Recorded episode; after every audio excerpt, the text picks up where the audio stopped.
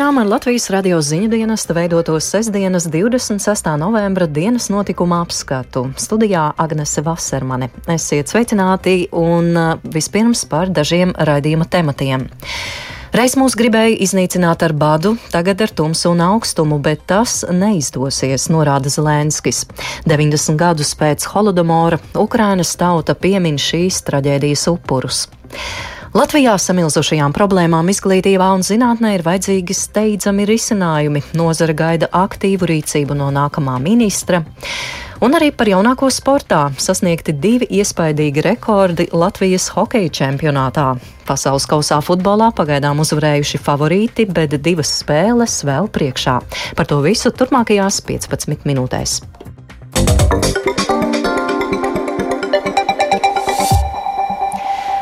Šodien Ukrainā atzīmē 90 gadus kopš Holodomora. Tas bija padomju režīma 30. gados mākslīgi izraisīts bats. Ukrainas prezidents Volodimirs Zelenskis uzrunā norāda, ka Ukraiņus reiz gribēja iznīcināt ar badu, tagad ar tumsu un augstumu. Un šajā dienā Ukrainā ieradušies Polijas, Beļģijas un Lietuvas līderi, solot turpināt atbalstīt Ukrainu. Plašāk stāsta Rihards Plūme. Šodien pulksten četros dienā Ukrainas iedzīvotāji tika lūgti aizdegt piemiņas sveces, lai atzīmētu 90 gadus kopš Holodomora jeb bada nāves.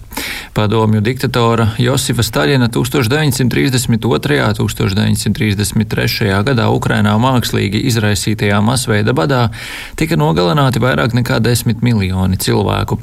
Padomju varas mākslīgi uzturētais bats bija viens no pasaules vēsturē briesmīgākajiem cilvēka izraisītajiem masu iznīcināšanas gadiem gadījumiem. Daudzi uzskata, ka Staļina mērķis bija pret Ukraiņu tautu vērsts apzināts genocīds, un Holodomors ir pielīdzināms nacistu īstenotajam holokaustam. Premjerministrs Denis Šmihāļs pieminot badu un tā upurus norādīja, ka 90 gadus vēlāk Krievijas režīms atkal ar genocīdu grib salauzt Ukraiņus un Ukraiņu gribu, taču tas neizdosies. Baltānamā izplatītajā paziņojumā norādīts, ka drosmīgajai Ukraiņu tautai turpinot aizstāvēt savu demokrātiju un brīvību no Krievijas brutālās agresijas, mēs apstājamies, lai godinātu pagātnes netaisnības un šausmu upurus. Tikmēr Ukrainas prezidents Valdemirs Zelenskis norādījis, ka Ukraiņus reiz reiz gribēja iznīcināt ar badu, bet tagad ar tumsu un augstumu. Viņš norādījis, ka Ukraiņi gājuši cauri ļoti briesmīgām lietām, un pie visa tā saglabājuši spēju nepakļauties un savu brīvības mīlestību. Šajā dienā Ukrainā ieradās Beļģijas, Lietuvas un Polijas līderi. Mediji vēsta, ka Beļģija apsolījusi sniegt Ukrainai vairāk nekā 37 miljonu eiro vērtu palīdzību. Ukrainas prezidents un Beļģijas premjers Aleksandrs Dekro arī parakstīja kopīgu deklarāciju par atbalstu atbalstu Ukrainas virzībai uz dalību Eiropas Savienībā un NATO. Kijevā bija ieradusies arī Lietuvas premjera Ingrīda Šimanīte un Polijas premjers Mateušs Moravēckis. Klātesot Beļģijas, Polijas un Lietuvas premjeriem un Ungārijas prezidentei Zelenskis sestdien Kijevā starptautiskā graudu eksporta samita laikā oficiāli atklāja iniciatīvu Graudi no Ukrainas, lai piegādātu pārtiku Āfrikas nabadzīgākajām valstīm. Ukraina, як один з гарантирів світової продовольчої безпеки. Ukraina kā viena no pasaules nodrošinātības ar pārtiku garantētājiem turpinās sniegt savu būtisko ieguldījumu, neskatoties uz karu, par spīti jebkādiem izaicinājumiem, par spīti šķēršļiem un neskatoties uz mēģinājumiem mūs iznīcināt. Ukraina pildīs savas eksporta saistības attiecībā uz graudu un citu lauksaimniecības produktu piegādi pasaules tirgumu. Ukraina cīnās par mūsu dzīvību un cīnās arī par citu tautu dzīvību, lai tās būtu brīvas no verdzības un bada без неволі і без голоду. Paredzams, ka Eiropas Savienība un vairākas valstis piešķirs Ukrainai ievērojamus līdzekļus, lai finansētu Ukrainas graudu piegādi nabadzīgākajām pasaules valstīm. Bet turpinoties Krievijas apšaudēm, Ukrainā nerimstoši turpinās arī darbi, lai atjaunotu elektrības pieslēgumus, ūdens padevi un piekļuvi mobilajiem sakariem. Līdz šim Ukrainā ir atjaunoti 73% mobilo sakaru tīkla, bet Kijevā 25% iedzīvotāju joprojām ir bez elektrības. Rihards Plūme, Latvijas radio. Šodien Ukrainas holodomoru upurus pieminēja arī Rīgā. Svētā Pētera baznīcā notika ekumēnisks aizlūgums, kam sekoja gājiens no Pētera baznīcas uz padomju okupācijas upuru piemiņas memoriālu vēstures taktīla pie okupācijas muzeja. Tikai īsts ļaunums var apzināti un mērķtiecīgi iznīcināt miljoniem samas valsts iedzīvotāju tikai tāpēc, ka tie piedar kādai tautai, runā kādā valodā vai nodarbojas ar kādu amatu. Tā piemiņas pasākumā uzsvēra saimnes padomes priekšsēdētājs Edvards Smiltēns no apvienotā sāraksta. Savukārt Latvijas prezidents Egils Levits pēc Zelenska iniciatīvas graudi no Ukrainas atklāšanas ceremonijas sacīja, ka neskatoties uz brutālo un netaisnīgo Krievijas karu Ukrainā, Ukraiņiem ir izdevies izaudzēt pārtiku un atrast veidus, kā to nogādāt valstīm, kam tā ir visvairāk nepieciešama - Āfrikā un Āzijā.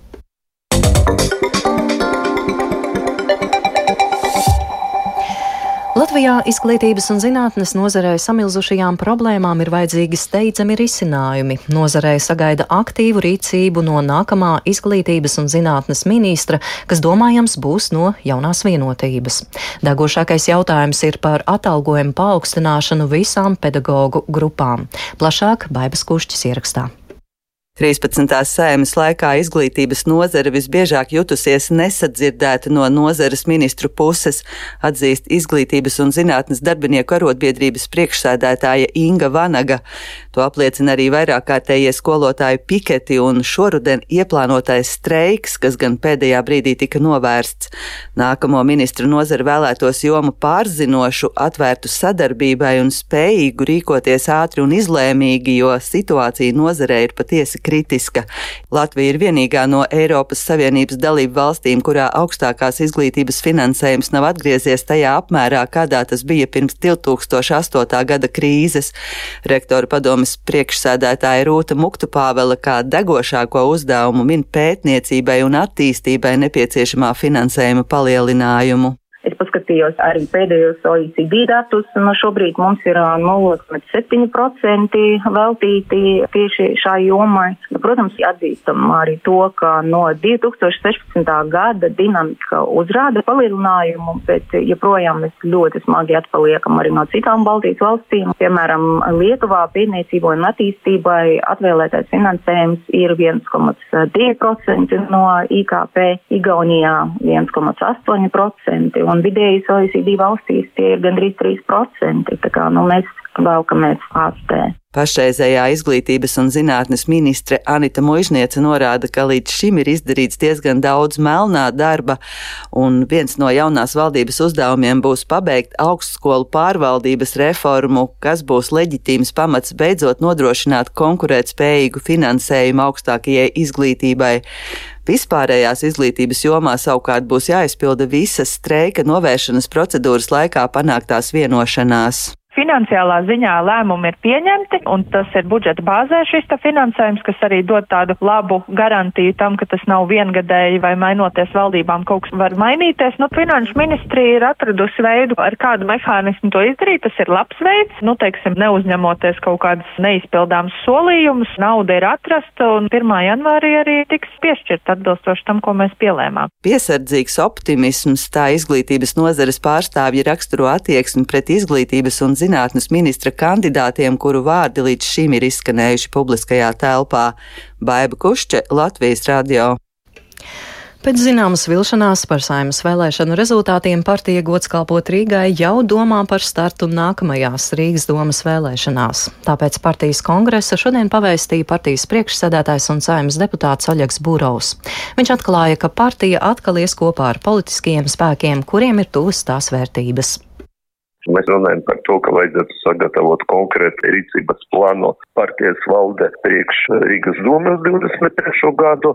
Mēs šobrīd jau paziņojam, ka mēs gatavojamies jau pašvaldību vēlēšanām 25. gada. Es arī paziņoju, ka es esmu gatavs iet no saimas uz Rīgas domas vēlēšanām. Partija kongresā ir pieņēmusi arī vairākas rezolūcijas, to vidū par atbalstu Ukrainai.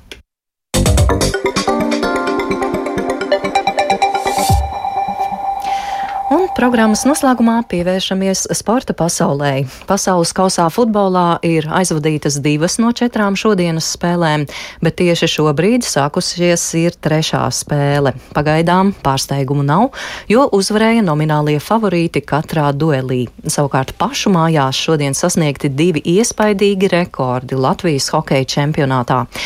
Un par to visu tūlīt gatavs vairāk pastāstīt kolēģis Mārtiņš Kļavinieks. Sveiks, Mārtiņ! Sveika, Agnes, un sveicināti arī Latvijas radio klausītāji! Jā, un tad vispirms par pasaules kausu futbolā. Kādi rezultāti pirmajās divās spēlēs atgādina un kas notiek šobrīd ritutošajā cīņā?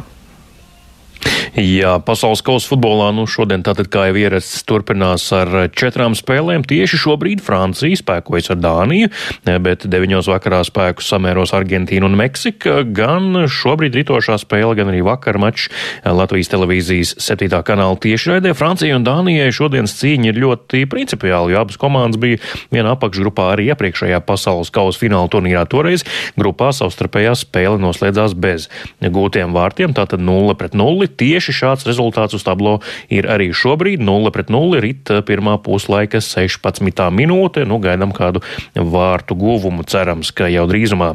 Savukārt Argentīnai principiāli cīņa šovakar 9 pret citu citu spāniski runājošo valsti, Meksiku, un arī ārkārtīgi atbildīgi, lai izkļūtu no grupas pasaules kausa pirmajā mačā Argentīna sensacionāli zaudēja Saudarābijai, tāpēc atlikušajās divās spēlēs grupā vairs nevar atļauties paklupt. Nu, un dienas pirmajos mačos šodien Katarā Austrālija ir 1-0 pārspēja Tunisiju, bet Polija ar 2-0 Saudarābiju. Agnese? Jā, tas par futbolu katrā, bet kurus no šodienas pašmāju sporta notikumiem, kā mūsu lielākais sporta speciālists, tu vēlētos īpaši izcelt? Jā, nu atkarīgi kādā konkurencē lielākais speciālists. Droši vien tas viss, viss ir relatīvs pasaulē.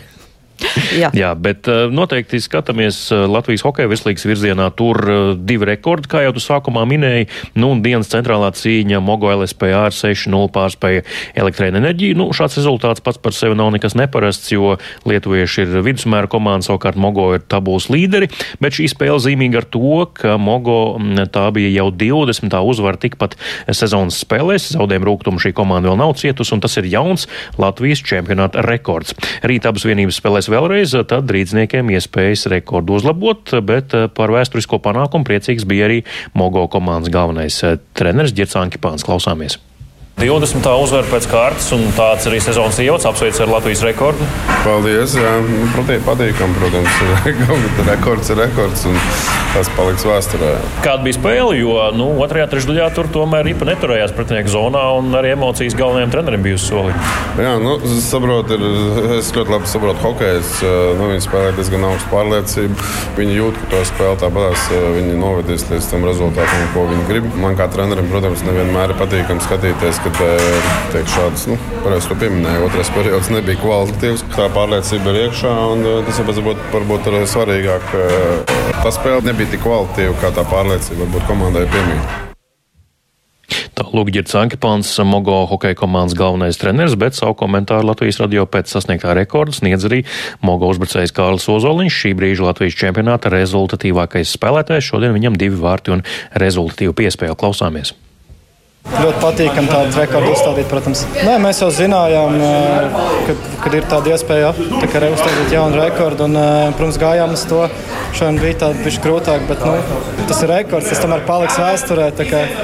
Savu veidu tādu mazu mandrāžu arī bija godīgi. Bet, nu, forši, prieks, ka izdarījām. Tas pirmais periods bija normāls. Bet kaut kā varbūt apstājāmies, ka iemetām tos gols, un tad otrā periodā nu, tur galīgi ne, ne uz vienu pusi, ne uz otru. Vienkārši kaut kā tā ripa mētājās. Tur nu, grūti saprast, kas tur notika. Bet nu, trešā periodā izgājām un sākām normāli spēlēt. Un, viss kārtībā. Jā, nu otrs šodienas rekords pieder Rīgas Dienāmo. Viņi ar 19 pret 0 ieklausīties uzvarēja Daugopils Dinaburgu, izcīnot pārliecinošāko uzvaru Latvijas čempionātā šajā sezonā. Punktus negūta tikai viens Dienāmo hokejists vēl. Rīgas prizmē 3-0 pārspēja Kaunis City, bet Viļņas hokeja panka šobrīd uzņem hokeja skolu Rīga. Tas par uh, hokeju man un arī sportu šodien viss. Paldies Mārtiņam Kļaviniekam! Un ar to arī galā sestdienas 26. novembra dienas notikuma apskats ziņa programmu producēja un vadīja Agnes Vasermane, ieraksts veidoja Uldis Grīnbergs pie skaņapults Kārlis Rāšmanis. Par svarīgāko 90 gadus pēc Holodomora Ukrainas tauta piemin šīs traģēdijas upurus.